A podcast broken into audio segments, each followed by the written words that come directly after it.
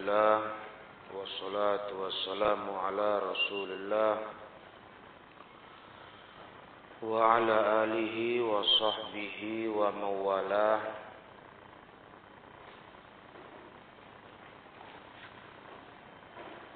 باب البغي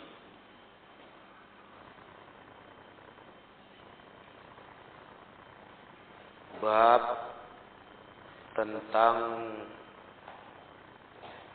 al-baghyu. Melampaui batasan.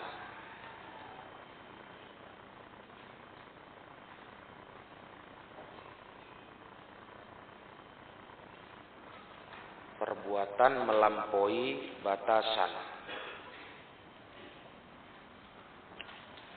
Mirip dengan zolim. Aneh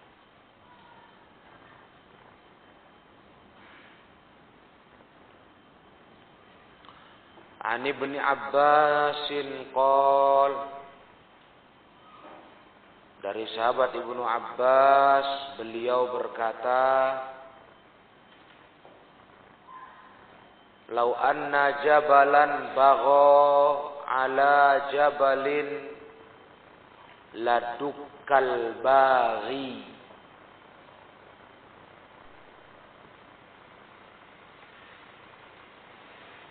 Andai kata gunung bisa berbuat aniaya terhadap gunung yang lain.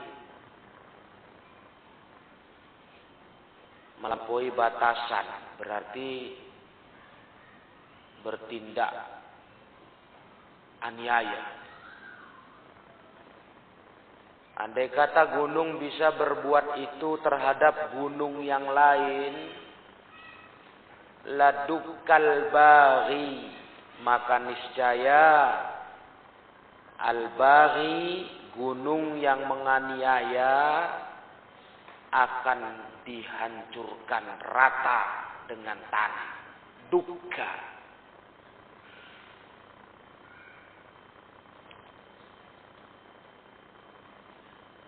Artinya walaupun gunung yang begitu kokohnya, begitu perkasa, berbuat aniaya kepada gunung yang lain, andai kata bisa, gunung pun diratakan Allah, dihancurkan Allah.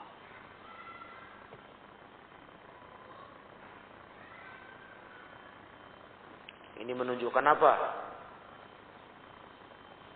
Betapa tercelanya perbuatan al-baghyu. Gunung aja bisa Allah buat hancur. Sebagai hukuman gunung itu menganiaya gunung lain. Apalagi manusia. Gunung itu besar. Gunung itu kuat nggak masalah. Kalau sampai gunung bisa menganiaya gunung lain, Allah ratakan gunung itu dengan tanah.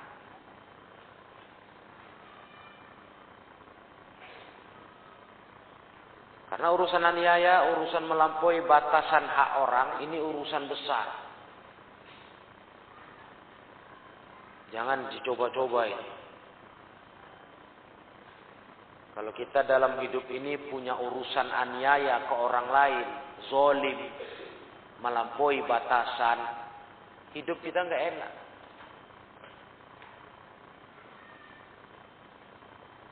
Sewaktu-waktu kapan saja Allah bisa hancurkan kita. Allah bisa binasakan kita. Jangankan kita tadi, gunung aja bisa. Duka,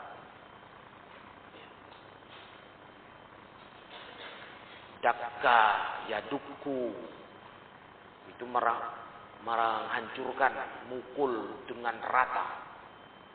Bisa. Itu menunjukkan perbuatan aniaya itu jelek. Jeleknya berat. Maka di pelajaran kita yang lalu bab-bab sebelum ini yang udah lama kita sudah dinasihati oleh Imam Al-Bukhari tentang akhlak buruk yang bernama zolim. Kezoliman.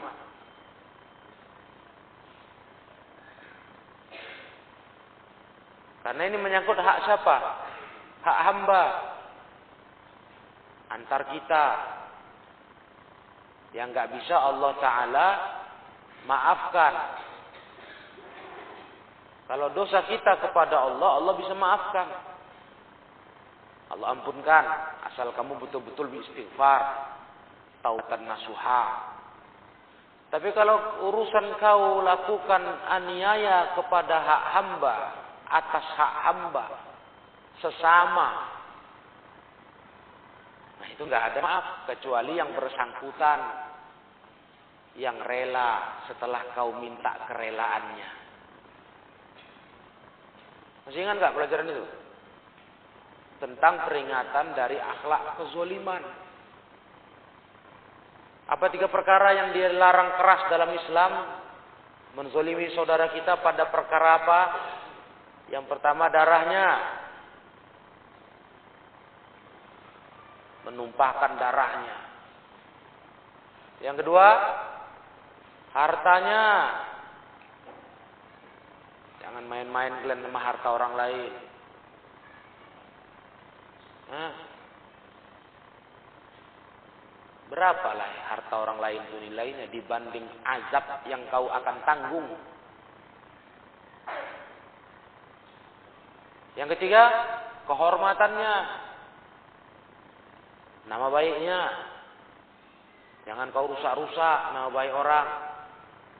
Harga diri orang dengan mulut kotormu, mulut jelekmu, yang menebar cerita fitnah. Jangan. Itu nggak selesai di dunia kalau nggak selesai antar kita dengan dia. Nggak selesai sampai akhirat. Panjang ceritanya. Malah kita pernah belajar hadis yang sudah lewat, hadis Nabi la tu'addunnal huquqa ila ahliha Nanti sungguh akan ditunaikan urusan hak-hak manusia dengan sesamanya. Kalau kau ada utang hak orang, bayar nanti, nggak cerita. Bayar di sana. Pakai apa? Pakai apa ya tulab? Pakai pahala. Ya kalau ada, kalau cukup. Kalau nggak cukup, Pakai dosa, dosa orang dikasih ke kamu, kau yang nanggung hukumannya. Jangan lupa itu. Makanya hidup ini itu yang kita jaga, kita rem betul. Jangan sampai ada hak orang saya rusak. Saya buat aniaya. Jangan sampai ya Allah. Itu. Karena untuk hukumannya itu cepat. Itu hukumannya cepat. Gunung aja bisa rata dibuat Allah. Andai kata gunung bisa menganiaya gunung lain. Dibalas Allah cepat. Nah di hadis tadi, la tu'addunnal huquqa ila ahliha. Akan ditunaikan hak-hak sesama kita dengan yang lain di akhirat hatta sampai-sampai yuqadu lisyatil jamma' Apa itu syatil jema' akan dibalaskan di kisos. Untuk kambing yang jema' nggak punya tanduk. Atas minasyatil korna. Atas kambing yang punya tanduk. Di dunia kambing yang bertanduk menzolimi yang nggak bertanduk karena dia punya tanduk gaya. Tanduk, tanduknya yang nggak punya tanduk. Di akhirat nanti kata Nabi itu akan dikisos. Dibalas itu. Kambing padahal. Kambingnya. Tapi yukadu. akan dibalaskan kata Allah lisyatil jamma minasyatil korna masih ingat nggak kalian sudah kita baca itu. Itu sudah lewat. Sudah lewat itu. Urusan kambing aja pun nggak bisa. Kera manis saja ya kan? Kera gratis. Apalagi urusan kita manusia. Nah. Jadi nggak bisa. Kita sepele urusan seperti ini. Al-baghyu melampaui batas zolim kepada orang lain merusak tiga perkara ini pada orang lain atau salah satunya darah, harta, kehormatan. Jangan coba-coba itu. Tak enak hidupmu nanti. Tidak enak hidupmu nanti. Celaka kok. Dengar semua. Nah itu makanya kita teringat kali lah pelajaran kita yang sering dinasihatkan kepada kita. Makanya jaga tangan, jaga mulut. Itu yang sering bikin rusak hak orang lain. Jaga tanganmu dari melukai orang lain, mengambil harta orang lain. Jaga mulutmu dari merusak kehormatan orang lain. Cakap jaga, berapa kali dinasihati? Enggak gratis itu. Kalau kau berani bicara sembrono, orang terfitnah, tertuduh, rusak kehormatannya, itu kau harus ganti rugi. Apa cara ganti ruginya? Kau bersihkan lagi nama yang sudah rusak itu, kehormatannya yang sudah jelek, kau bela, kau bersihkan, dan minta rela sama dia. Itu ganti ruginya. Di sini, di dunia, di akhirat, pakai apa? Mana bisa kayak gitu lagi? Pakai pahalamu, bayar. Hmm. Sudah paham kan? Ini perbuatan bagi melampaui batas. Udah siap kau bayar pakai pahala. Udah banyak kali rupanya. Entah pun tak ada pahala kita. Yang di, dianggap Allah sebagai tabungan. Mana tahu. Bagaimana membayarnya? Tapi nggak ada cerita. Walaupun nggak ada pahala membayarnya, dosa orang itu kau tanggung. Harusnya dia kena hukuman, sebagai bentuk tebusan atas kezolimanmu terhadapnya, ah, dosa dia diambil Allah, diletakkan di di badan. Ah, kau yang tanggung hukuman dosa. Jadi kita belajar agama ini untuk mengamalkan, diamalkan. Bahaya al-baghi, bahaya buat zolim kepada sesama. Kita hidup ini baik-baiklah, jaga tangan, jaga mulut. Sebagaimana kata Nabi yang juga sudah kita baca hadisnya. Apa itu bunyinya? Al-muslimu man salimal muslimuna min lisanihi wa yadi. Yang namanya orang Islam itu adalah yang orang Islam lainnya selamat. Selamat orang lain dari lisannya dan tangannya. Itulah orang Islam yang benar. Jadi orang lain nggak terganggu dengan mulutnya, nggak terganggu dengan tangannya. Nah itu enak hidup kayak gitu. Nah begitu yang maunya kita. Nah, jadi jangan dibuat mati ya urusan kezoliman kita kepada sesama hamba. An Fudalah bin Ubaid. Dari Fudalah bin Ubaid anin Nabi sallallahu alaihi wasallam, dari Nabi sallallahu alaihi wasallam. Nabi bersabda, qala Salasatun la yus'alu anhum. Tiga golongan yang tidak ditanya tentang mereka. Mereka diabaikan saja. Artinya menunjukkan jeleknya mereka. Rajulun faraqal jama'ata wa asa imamahu famata asiyan. Orang pertama yang tidak ditanya di hari kiamat yaitu seorang laki-laki. Ya, laki-laki di sini maknanya apa? Maksudnya semuanya tentu laki perempuan. Cuman dipakai istilah hadis sering begitu. Rojulun, seseorang. Nah, Karena Rasul bicaranya di depan para laki-laki. Paham Bukan berarti perempuan nggak masuk. Seseorang yang farokol jamaah, memisahkan diri dari al jamaah. Menyempal atau menyempal. Memisahkan dari jamaah kaum muslimin. Memberontak. Wa'asa imamahu. Memaksiati imamnya. Pemimpin negaranya. Dia maksiati. Hmm. Ya, ini dia nggak mau taati. Dia menentang. Fama ta'asian. Terus dia mati.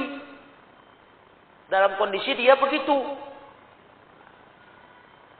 Ini salah satu ancaman kepada pemberontak-pemberontak terhadap pemerintah yang sah.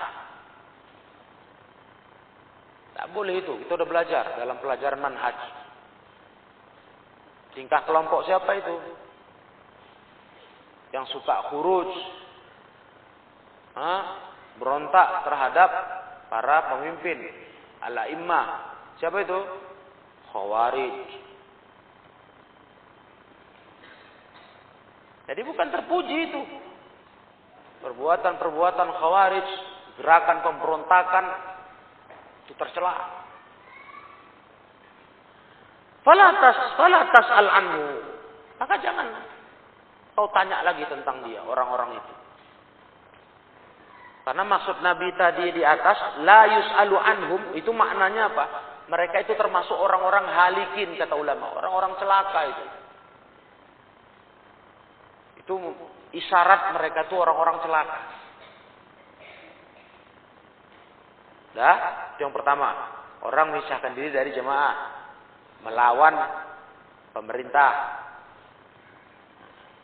Dan kita udah belajar ya dalam pelajaran manhaj.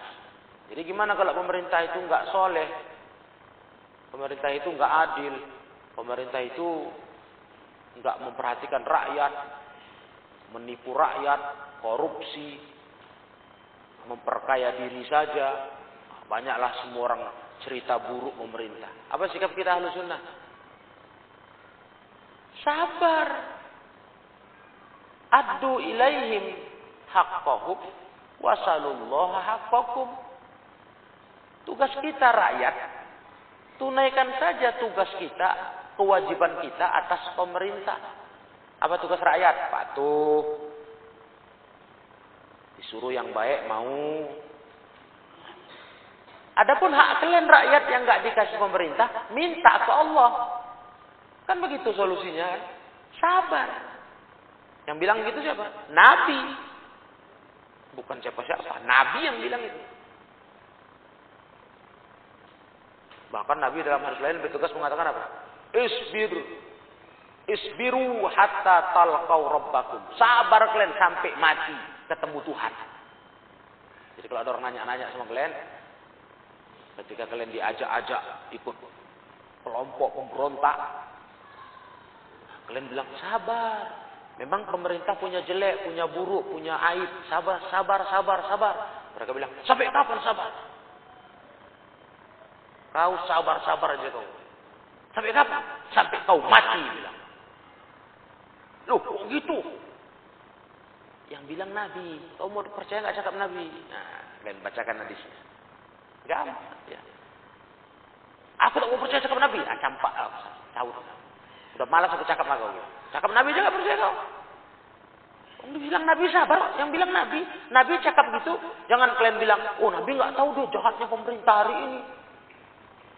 Gak pernah Nabi terbayangkan Nabi jahatnya pemerintah saat ini. Loh, Nabi cakap ini bukan dalam kondisi yang ditengok Nabi hari itu. Ini cakap wahyu. Tapi itu, ngerti? Kecuali Nabi nengok hari itu aja. Gak nampak Nabi lah memang. Pemerintah jelek, pemerintah korupsi, pemerintah jahat, pemerintah belum nampak Nabi. Tapi Nabi cakap ini adalah wahyu, hukum agama. Yang bilang itu Allah. Kok payah sih? Nah. Udah, ini yang poin pertama. Karena penting juga ini walaupun sisi dalil kita nggak di kalimat ini, tapi ini penting terus ditekankan kepada tulabul ilm. Jangan jadi kelompok yang memisahkan diri dari jamaah kaum muslimin, memberontak. Jangan jadi orang-orang yang suka memaksiati pemimpin. Nah, menentang, melawan. Jangan. Yang kedua, wa amatun au abdun abaqa min sayyidihi. Nah, yang kedua yang tidak dilihat, tidak ditanya mereka, termasuk orang-orang binasa adalah budak perempuan atau budak laki-laki. Amatun budak perempuan. Abdun budak laki-laki. Yang budak ini abako. Perhatikan. Abako.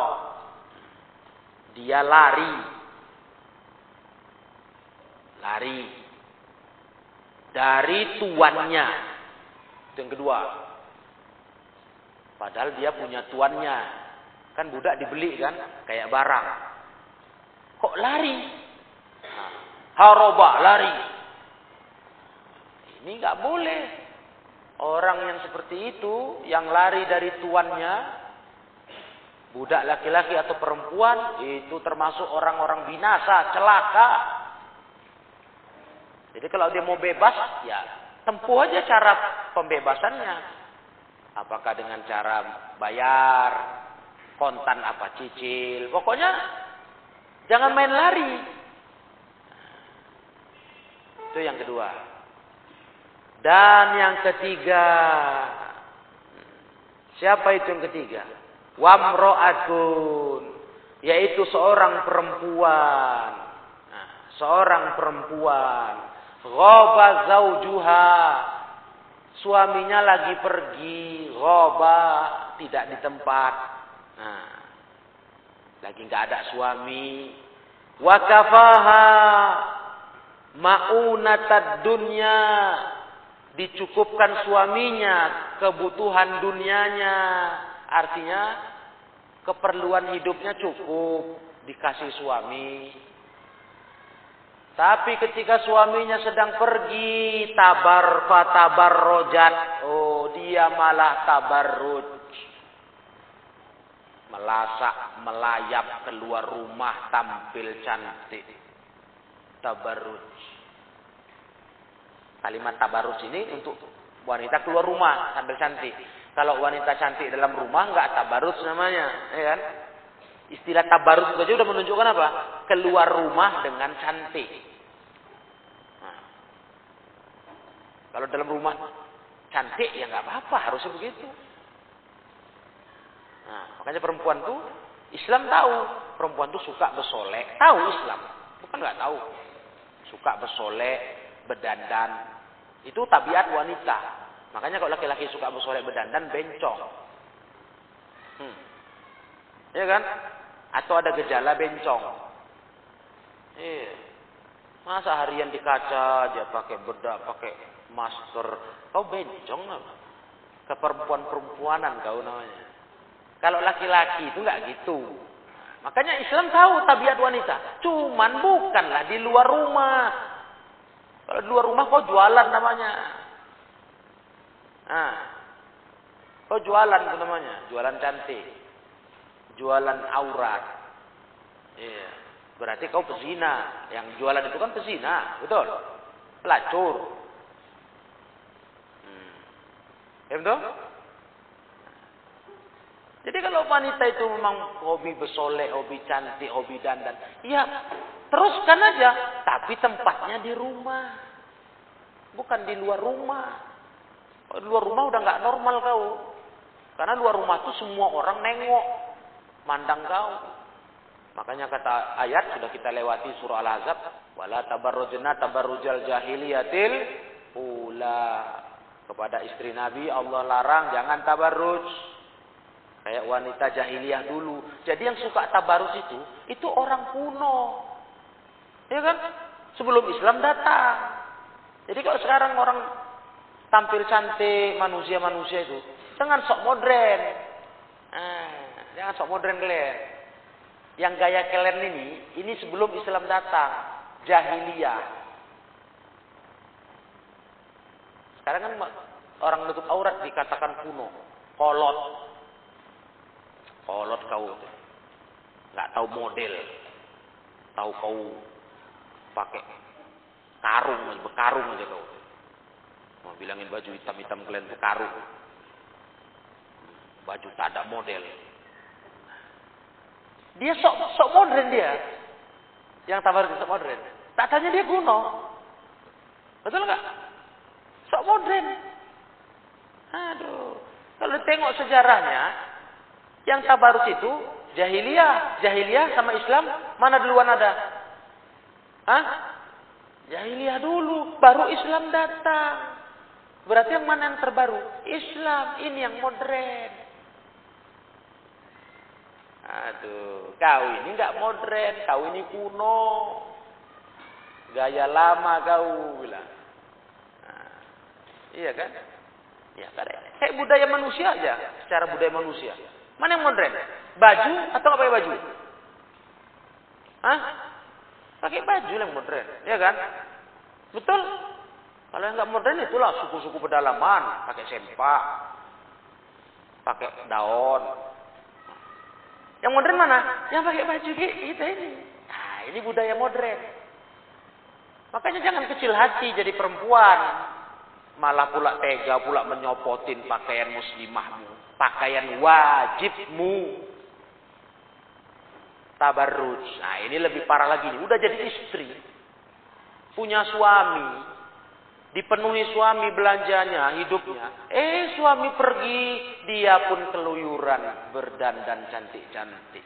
La ilaha illallah. Tabarrojat wa tamarrojat ba'dahu na'udzubillah min dzalik. Ini perempuan malah tabarrojat. Dia tampakkan perhiasan cantiknya dia tampakkan kemolekan badannya untuk laki-laki lain. La haula wala quwata illa billah. Wa tamarrajat. Dan dia buat kerusakan fitnah di luar rumah. Itulah hari ini banyaknya perempuan. Nggak syukur kalian akhwat. Nggak syukur kalian tahu agama. Belajar diajari bagaimana jadi wanita kalau nggak dengan agama ini, kalian nggak ada beda dengan wanita banyak itu. Tukang tabarruj, tukang tampil cantik di depan orang lain. Nggak beda kalian. Bahkan sampai ber berlaki pun kalian, bersuami pun kalian nggak beda. Sama aja kayak gitu. Karena umum hari ini. Hah? Adalah satu tingkah yang dianggap biasa. Yang penting jaga diri gitu. Apanya udah itu aja udah gak jaga diri namanya. Keluar rumah cantik cantik, udah gak jaga diri. Nah, yang penting kan jaga diri gitu. Nah, jangan kebablasan. Jangan melampaui batas. Loh, kalau sempat melampaui batas kau, kau udah pelacur. Hmm. Ya kan? Nah, ya lagi perempuan sekarang. Entah kayak mana kita bilangnya. Terbiasa itu. Biasa. Nggak ada suami, istrinya keluyuran. Berdandan cantik, menor. Hmm. Menebar fitnah, tamar rojat, buat tabar rojat, la ilaha illallah. Nah, jadi begitu. Itu tiga orang yang tidak ditengok Allah, ditanya Allah. Nah, ya, dan ini mengandung kandungan perbuatan melampaui batas. Semua itu mengandung perbuatan melampaui batas. Tadi istri berhias diri cantik-cantik keluar rumah, itu melampaui batas namanya. Harusnya cantik istri itu untuk suaminya, untuk keluarganya. Ini malah dia umbar, dia obral di luar rumah. Hmm. Di obralnya. Itulah sekarang udah kalau nggak pakai agama kita rasanya nggak bayangkan tingkah kita ini kalau nggak karena agama. Iya. Wanita itu malah jadi satu rumusan berdandan tuh kalau mau keluar rumah, ya kan? Kan begitu sekarang dunianya. Berdandan itu kalau mau pergi-pergi. Kalau lagi di rumah ngapain berdandan? Katanya. Itu udah umum itu. Rumusannya begitu. Berdandan itu kalau keluar rumah. Kita keluar rumah harus tampil cantik lah. Kan tengok banyak orang. Aduh. Tidak boleh. Kalian perempuan beda sama laki-laki. Perempuan itu aurat. Iya. Kalian itu sumber syahwat. Laki-laki betul. Nah, keluar rumah Pakai pakaian yang lebih bagus lagi, yang lebih rapi. Laki-laki betul. Enggak pula lah kalian di rumah pakai gamis mahal-mahal, haromen. Nah, keluar rumah pakai singlet. Naik kereta pakai singlet. Apa kau? Iya. Di rumah ya Allah Masya Allah. Rapi, tak kusut sikit pun baju itu. Lah keluar rumah pakai singlet, pakai training deh. Mana akalnya itu? Laki-laki itu disuruh Allah lagi. Khudhu zinatakum inda kulli masjid. Ambil perhiasan kalian tiap masjid. Berarti pas kapan itu? Keluar rumah kan? Karena masjid di luar rumah kita. Berarti keluar rumah pakai perhiasan, baju yang rapi, yang bagus. Wajar laki-laki. Jangan perempuan kayak gitu. Beda. Laki-laki bukan kayak perempuan. Laki-laki semuanya aurat. Almar'atu auratun kata Nabi. Perempuan itu aurat. Nih, kayaknya pakai ilmu kita. Kalau nggak nggak ngerti kita ini. Apalagi udah dunia kita hari ini begitulah. Perempuan tuh berdandan tuh kalau mau keluar rumah baru dia berdandan. Barulah dia babada, begincu, bercelak, ya kan? Berwangi-wangi. Yuh. Udah 100% lah dia kayak wanita pelacur. Yang sedang jualan. Nah. Dah, apalagi jadi istri kau nanti ya akhwat. Jangan macam-macam, nanti kau celaka, lihat di sini. Ini udah perbuatan aniaya, perbuatan melampaui batas. Seperti tadi hadis budak lari dari tuannya. Nah, ini kan aniaya, melampaui batas, ya kan?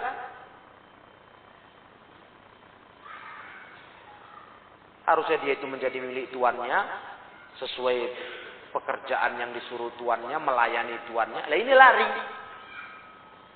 Nah, ini perbuatan-perbuatan yang sungguh buruk sekali dalam Islam. Wa salasatun la yus'alu anhum. Ada juga tiga lagi yang tidak ditanya tentang mereka. Ada lagi tambahannya. Rajulun naza Allah rida'ahu. Seseorang yang naza Allah rida'ahu. Yang naza'a. Naza'a itu bukan naza'a Naza'a mencabut. Naza'a berarti kayak kita munaza'ah. Nah, ribut. Merecoin Allah tentang selendangnya. Kayak ibarat mau merebut selendang Allah. Apa itu selendangnya? Fa inna ridahu al-kibriya, yaitu sifat sombong. Itu selendang Allah. Yang boleh sombong cuma Allah. Nah, jadi kalau ada orang sombong ibarat dia sedang merecoin sifat sombong Allah. Kayak mau merebut naza. Hmm. Wa izarahu izzuhu. dan izar sarungnya Allah, itulah kemuliaannya. Ini yang pertama, tak ditengok mereka oleh Allah Ta'ala. Warajulun syakka fi amrillah. Yang kedua, laki-laki yang ragu tentang urusan Allah. Ragu tentang agama Allah. Hmm, fi amrillah. Dan yang ketiga, wal kunut mir rahmatillah. Dan kunut berputus asa dari rahmat Allah. Sifat putus asa nggak boleh ya.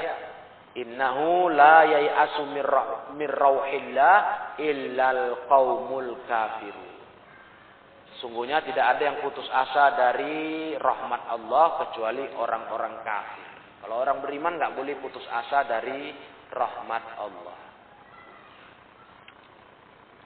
Nah, nah itu aniaya, melampaui batas. Tidak boleh. Tak boleh kita berbuat aniaya melampaui batas. Allah Ta'ala bisa-bisa tak mau menanyai kita dalam keadaan maksudnya kita celaka. Udah positif celaka lah, gak usah lagi ditanya-tanya. Uh, ngeri ya, ngeri sekali. Inilah bentuk perbuatan al-baghyu. Kemudian An Bakar bin Abdul Aziz an Abi an Jaddi Abi Bakrah dari Bakar bin Abdul Aziz, dari ayahnya, dari jadihi kakeknya, yaitu Abu Bakrah, sahabat yang mulia, dari Nabi Sallallahu Alaihi Wasallam, Nabi bersabda, Kullu dhunubin yuakhirullahu minha ma sya'a ila yaumil qiyamah. Semua dosa Allah tundakan. Allah tundakan hukumannya sesuai yang Allah mau sampai hari kiamat. Sesuai yang Allah mau. Mana yang Allah mau terserah Allah. Allah tunda di hari kiamat. Illa kecuali al-baghya. Ah, tuh lihat. Kecuali dosa al-baghyu. Melampaui batas tadi. Berarti disegerakan Allah hukumannya. Nah, makanya itu Ngeri loh. Kalau kalian sampai jatuh kepada perbuatan zolim, aniaya, aduh. Sedapnya tak seberapa, enaknya tak seberapa, untungnya tak seberapa. Celakanya berat kali. Berat kali. Makanya jangan-jangan coba-coba lah. Usahakan hidup ini bersih dari buat perbuatan aniaya melampaui batas. Jangan sampai zolim. Hmm. Berapa kali dunia ini? Coba dulu kalian. Berapa kali lah kesenangan dunia ini yang kalian kejar? Hanya gara-gara itu kita sampai kena ancaman hadis ini. Semua dosa Allah tunda hukumannya di hari kiamat. Sesuai yang Allah mau. Kecuali dosa bagiu. Disegerakan hukuman. Jadi hidup ini bagus-bagus lah ya. Jangan nyangkut-nyangkut urusan orang sama kita. Nah, jangan sampai kita punya sikap aniaya, melampaui batas akan hak orang lain. Paham tuh? Paham ini? Ya. Karena hina kali perbuatan seperti itu. Yang kedua, yang berikutnya wa uququl walidain. Nah, ini jelas ini, besar kali dosanya pula. Yang Allah nggak tunda lagi hukumannya di akhirat adalah durhaka kepada kedua orang tua. Durhaka. Uququl walidain. Itu pasti celaka anak itu. Anak durhaka celaka, pasti. Ridho Allah di ridho orang tua, marah Allah dimarah orang tua. Eh.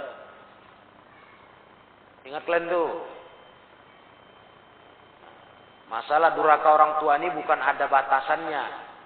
Batasannya kalau kita umur sekian, kalau lebih umur sekian udah nggak durhaka lagi kalau kita mau buat apa pun. Enggak. Ada batasnya. Sampai kau bukan anak lagi bagi orang tuamu. Bisa? Bisa? Bisa enggak? Kalau bisa kalian putuskan status anak kau sebagai anak bagi orang tua, ah, bisa kau nggak durhaka lagi sama dia? Putuskan dulu. Nggak bisa kan? Nggak bisa. Kalau suami istri bisa, haram istri durhaka ke suami. Itu selama masih berhubungan suami istri. Kalau ada cerai, selesai. Mana pula lagi ada durhaka dia. Orang bukan suaminya. Kalau orang tua bisa kalian putuskan. Bisa terus. Ah, bukan orang tua aku lagi dia. Aku ngaku dia ayah. Aku ngaku dia ibuku. Ya nggak bisa. Badan kau semua darinya. Dari ayahmu, dari ibumu. Badan kau utuh itu. Iya, dari mana mau putusnya? Makanya durhaka orang tua ini dosa termasuk minal kabair. Lah. Hah? Dalam hadis tentang dosa tujuh dosa besar, di antaranya masuk nggak ukupul waliden? Masuk? Masuk. Masuk durhaka ke orang tua, masuk. Itu termasuk dosa paling besar. Jangan pernah kalian salah salah salah paham ya. Oh. Itu kalau aku masih kecil durhaka, kalau udah besar enggak lagi. Uh. Malah makin besar kau makin kena dosa durhaka karena kau sudah dapat beban syariat. Mukallaf, sudah balik. Itu dia. Sama orang tua tuh jangan sampai durhaka. Ya. Jangan mentang-mentang kau udah lebih besar nanti dari orang tuamu, Orang tua makin makin tua ya kan, makin bongkok, makin keriput, tulang makin rapuh. Sedangkan kau makin kuat, nah, makin besar. Nah, dia menuju usia senja, kau menuju usia sempurna. Wah, usia lagi apa namanya oh, pertumbuhan. Sekarang bukan masalahnya kau siapa lebih kuat sekarang, dia atau kau. Hmm? Bukan itu masalahnya. Tentang orang tua sudah tua, sudah bongkok, sudah kakek-kakek. Apalagi mau ditakutkan melawan dia. Oh, buat salah kalian. Durhaka ini nggak ada putusnya. Namanya orang tua kita. Mau sampai kapan pun dia, kita setinggi apa pun derajat kita, kita sehebat apa pun kerja kita, sekuat apa pun tenaga kita, tetap kita di bawahnya. Ya kan? Nah, kita tetap di bawah orang tua. Mana pernah kita di atas dia? Kau sudah tua lah saat nanti umur kau sudah 60 tahun. Uh, udah tua belum? Udah. Mungkin kau udah jadi kakek. 60 tahun udah jelas lah. Rata-rata orang jadi kakek umur 40-an ke atas. 50-an ke bawah atau 50 ke atas, waduh jelas jadi kakek. Istilahnya dia punya anak, anak udah nikah, udah punya cucu. Begitu kau umur 60, apa kau terus merasa, aku sekarang seorang yang sudah tua. Terus nengok orang tuamu, sepele. Loh, memangnya orang tuamu umur berapa?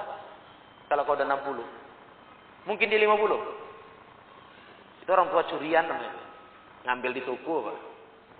Pasti dia di atasmu terus. Mana pernah kau kejar umur dia? Kau 60, dia udah 80, udah 90. Jelas lah. Ketika kau lahir aja umur dia udah berapa? Namanya ayah, anak ibu, ya kan? Mana bisa kita kejar umur dia? Nah, jadi nggak usah sok tua, nggak usah sok hebat, nggak usah sok kuat. Durhaka kau sama orang tua, celaka kau. Lihat hadis ini. Semua dosa ditunda Allah hukumannya sampai hari kiamat. Kecuali durhaka ke orang tua. Itu cepat hukumannya. Apalagi orang tua sempat doain kau yang jelek, nyumpah. Aduh, janganlah itu. Makanya Rasulullah ingatkan kali orang tua-tua, jangan sampai nyumpahin anak. Itu dikabulkan Allah, gawat nanti. Makanya sekarang banyak kali anak jadi monyet. Jadi anjing. Orang tua tiap marah sedikit, anjing kau. Dasar monyet kau babi. Jadi babi lah. Malah nyerodok nyerodok aja. Hah? Gonggong gonggong aja. Iya kan? Nah, maka jadi jadi binatang lah anak tuh. Monyet jauh. Hmm. Jangan main-main mulut itu sama anak. Orang tua tuh tinggi kali nilai derajatnya. di depan anak di sisi Allah. Paham? Setan kau. Iya, iya. Jadi setan lah anaknya. Apalagi iblis, waduh iblis lagi wah, rajanya setan. Pokoknya sumpah-sumpah tuh hati-hati ke anak. Makbul itu. Dah? Nah. Kemudian auqati'atur rahim atau mutuskan silaturahim. Nah, dosa mutuskan tali silaturahim. Tali saudara. Sering hari ini kan orang kita tengok saudara kandung putus tak mau lagi cakapan musuhan total waduh Jangan macam-macam ini dosa ini enggak Allah tunda hukumannya. Hmm. Yu'ajjilu li sahibiha fid dunya al-maut. Allah segerakan hukumannya di dunia terhadap pelakunya sebelum dia mati. Allahul musta'an. Ya Allah, dosa-dosa ini mengerikan sekali karena ini semua bentuk dosa-dosa yang sangat jelek, termasuk al-baghyu dalam pelajaran kita hari ini. Itu nomor satu tuh, al-baghyu. Yang kedua, ukukul waliden, durhaka kedua kepada kedua orang tua. Yang ketiga, mutuskan silaturahim. Ini semua akan Allah segerakan hukumannya di dunia sebelum pelakunya mati. Paham? Paham? Ini baik-baik hidup nih ya. Jangan aniaya-aniaya, jangan melampaui batas. Sama orang tua yang bagus. Orang tua suruh kau belajar biar jadi orang bagus, patuh, nurut. Nah. Karena orang tua itu kalau didurhakai kau celaka. Ya, marah Allah. Kalau orang tua marah, Allah ikut marah. Kalau orang tua senang, Allah ikut senang sama kita. Gitu aja hidup deh. Hah? Terkait, tergan, tergawa, e, terikat dia. Ridho Allah, ridho orang tua. Marah Allah, marah orang tua. Nah, Nah, kemudian Nabi Hurairah taqala dari Abu Hurairah beliau berkata, "Yubsiru ahadukumul qudha qudhata fi aini akhi wa yansal jizla awil jiz'a fi aini nafsih." Qala Abu Ubaid, "Al-jizlu al-khashabatul aliyatul kabirah." Kata Abu Hurairah, Salah seorang kalian yubsiru bisa melihat al-kuzata, kotoran di mata saudaranya, nampak dia. Kotoran di mata saudaranya. Maksudnya apa? Kotoran apa? Nampak dia salah saudaranya gitu. Ya. Istilahnya itu dia. Cuman dipakai istilahkan kotoran. kotoran di mata saudaranya. Entah ada nampak pasir, nampak tanah, nampak apa gitu sampah. Ya, di, di mata saudaranya. Tapi yansal jizla, dia lupakan al jizla atau jiz'a. Apa itu kata Abu Ubaid? Al jizlu al khoshabatul aliyatul kabirah. Pohon kayu yang tinggi yang besar. Dia lupa ada pohon kayu yang tinggi dan besar di mata mata sendiri. Di aini nafsi. Nah, itulah. Itu istilahnya kalau kata pepatah kita apa? Nah, semut di seberang lautan nampak. Gajah di depan mata tak nampak. Ngerti kan? Semut di seberang lautan nampak semut di seberang laut. Wih. Tapi gajah di depan mata sendiri tak nampak. Itu istilah. Istilah menunjukkan apa? Aib orang nampak kau aja kekurangan dia. Ih dia begini. Aib kau sebesar gajah tak nampak kau. Hmm. Tapi aib orang nampak kau aja. Oh, dia tuh begini, dia tuh begini. Yo. Aduh. Kasus sudah. Itulah ibaratnya. Semut di ujung lautan nampak, di seberang laut. Gajah di depan mata tak nampak. Orang dekat kali depan mata, ah, nampak. Betul nggak? Kalau gajah, kepala kau ditempelkan di perut gajah, nah, tutup mata, buka, nampak, nampak apa? Entah, entah apa ini. Oh, nggak nampak lah, oh gajahnya muka di sini. Itulah saking bodohnya kau, kata orang. Aib kau tak nampak kau, karena di badan kau. Tapi kau tengok di depan seberang apa sana, semut nampak. Kelas, tentu? Itu dia.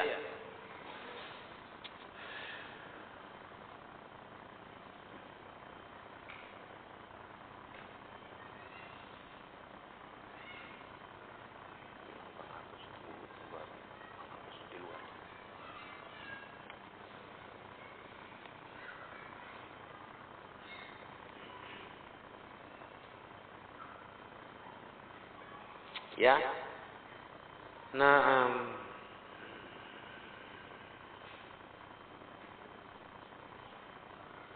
yang terakhir hadisnya an Muawiyah bin Qurrah qala Kuntu ma Maqil al-Muzani, aku bersama Maqil al-Muzani kata Muawiyah. Fa'amata azan anit tariq. Beliau menyingkirkan ada gangguan dari jalan. Disingkirkannya. Faraitu syai'an fabadartuhu. Aku pun lihat sesuatu juga, nampak pula. Kelihatan aku sesuatu itu. Aku pun badar tuh bersegera juga ikut menyingkirkannya. Fakola, maka kata beliau, kata Makil al-Muzani, Mahamalu ta'ala ma sona'ta ya bena akhi. Apa yang membawa engkau berbuat seperti yang kau buat itu, hai anak saudaraku? Ya benar akhi, hai anak saudaraku. Apa yang bikin kau buat kayak gitu? Buat nampak ada gangguan di jalan kau singkirkan juga. Ada apa kau kok buat itu?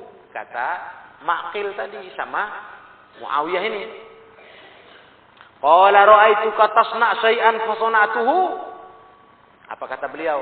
Aku melihat engkau berbuat sesuatu, aku ikutlah melakukannya. Aku tengok kau tadi buat gitu, ada gangguan di jalan, misalnya ada kayu, batu kau singkirkan, aku pun ikut-ikutan. Qala ahsanta ya bena akhi.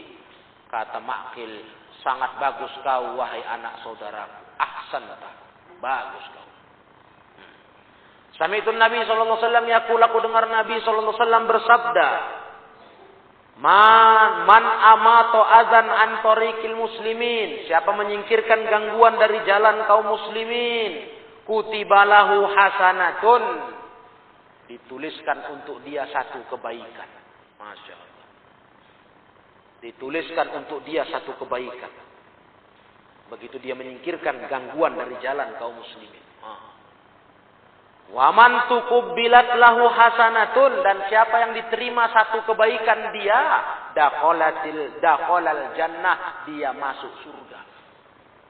Bayangkan kalian hanya perbuatan menyingkirkan gangguan di jalan. Iya. Nah, itulah hidup. Mestinya kita hidup begitu, bukan malah buat zolim. Itu kaitannya pelajarannya. Bukan malah buat aniaya, ganggu orang, ngambil hak orang, numpahkan darah orang, ngerusak nama baik orang. Bukan begitu. Harusnya kita malah berbuat menyingkirkan gangguan dari jalan umum. Sehingga orang tertolong. Mana tahu nanti kayak misalnya ada paku. Nah, lewat pula dia naik kereta, naik sepeda, mobil tertusuk. Kan kasihan bocor. Cari kerjaan pula nempel. Kan gitu. Nah, harusnya hidup tuh begitu. Kita malah berbuat apa? Kebaikan-kebaikan gitu. Ini enggak malah eh, dipasangnya pula lah paku di jalan. Coba ditaruhkannya kayu gitu. Biar orang celaka. Kan udah rusak kali otak manusia nih kalau udah kayak gitu. Senang dia orang celaka, dia senang dengan orang susah, dengan orang menderita. Ya karena nggak punya agama lah. Gak punya agama. Nauzubillah lah. Ngeri mulai berita-berita sekarang ini. Makin parah orang nggak beragama. Kita belajar agama, kita disuruh jangan sampai merusak hak orang, jangan sampai mengganggu hak orang. Malah kita harus menolong orang sebisa kita walaupun hanya buang gangguan di jalan. Tapi orang sekarang tak lihat, anak baik lihat, ya Allah ya Rabbi. Gimana kita bilang? Ya memang jauhkan lah. Anak-anak yang nggak pernah belajar, nggak pernah tahu agama, ngerusak aja, ngerusak barang orang dia senang. Ya kayak berita-berita yang sering terjadi di, di Medan ya. Hmm, ampun gitu. Pengendara mobil di jalan tol dilempar batu.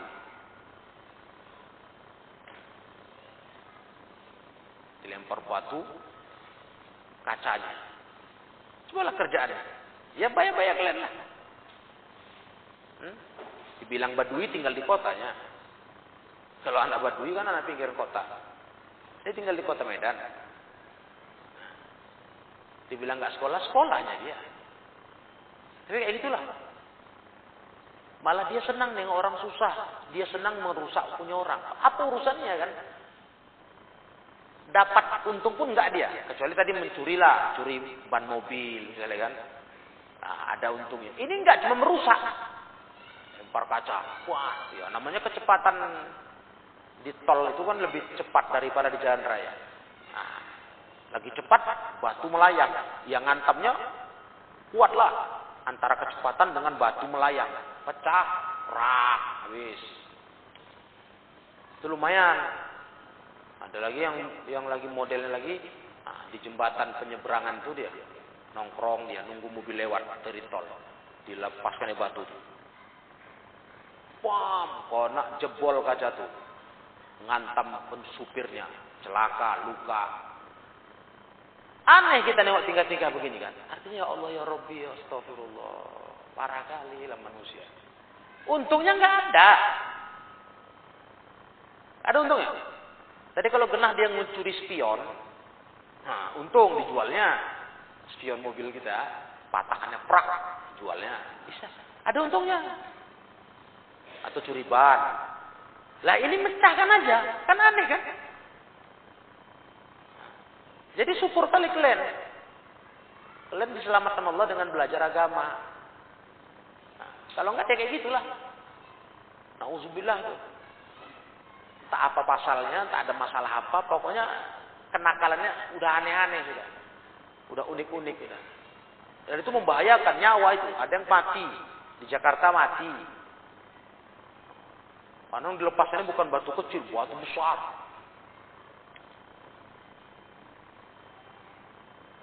Pecah lah. Batu itu ngantam kaca, nggak nahan kaca itu lagi sudah. Masuk ke dalam ruang mobil prak. Pas kepala orangnya kena astor. Nah, dua. Kan kerja apa itu? Kita sedangkan kita belajar malah kayak ginilah hidup kita diajari agama. Harusnya kita tuh mikir orang lain, ada gangguan di jalan singkirkan. Ada batu, wah ini bahaya nih kena ban ban orang bisa nendang nendang bisa nyampe ke samping nanti orang kena yang di pinggir jalan.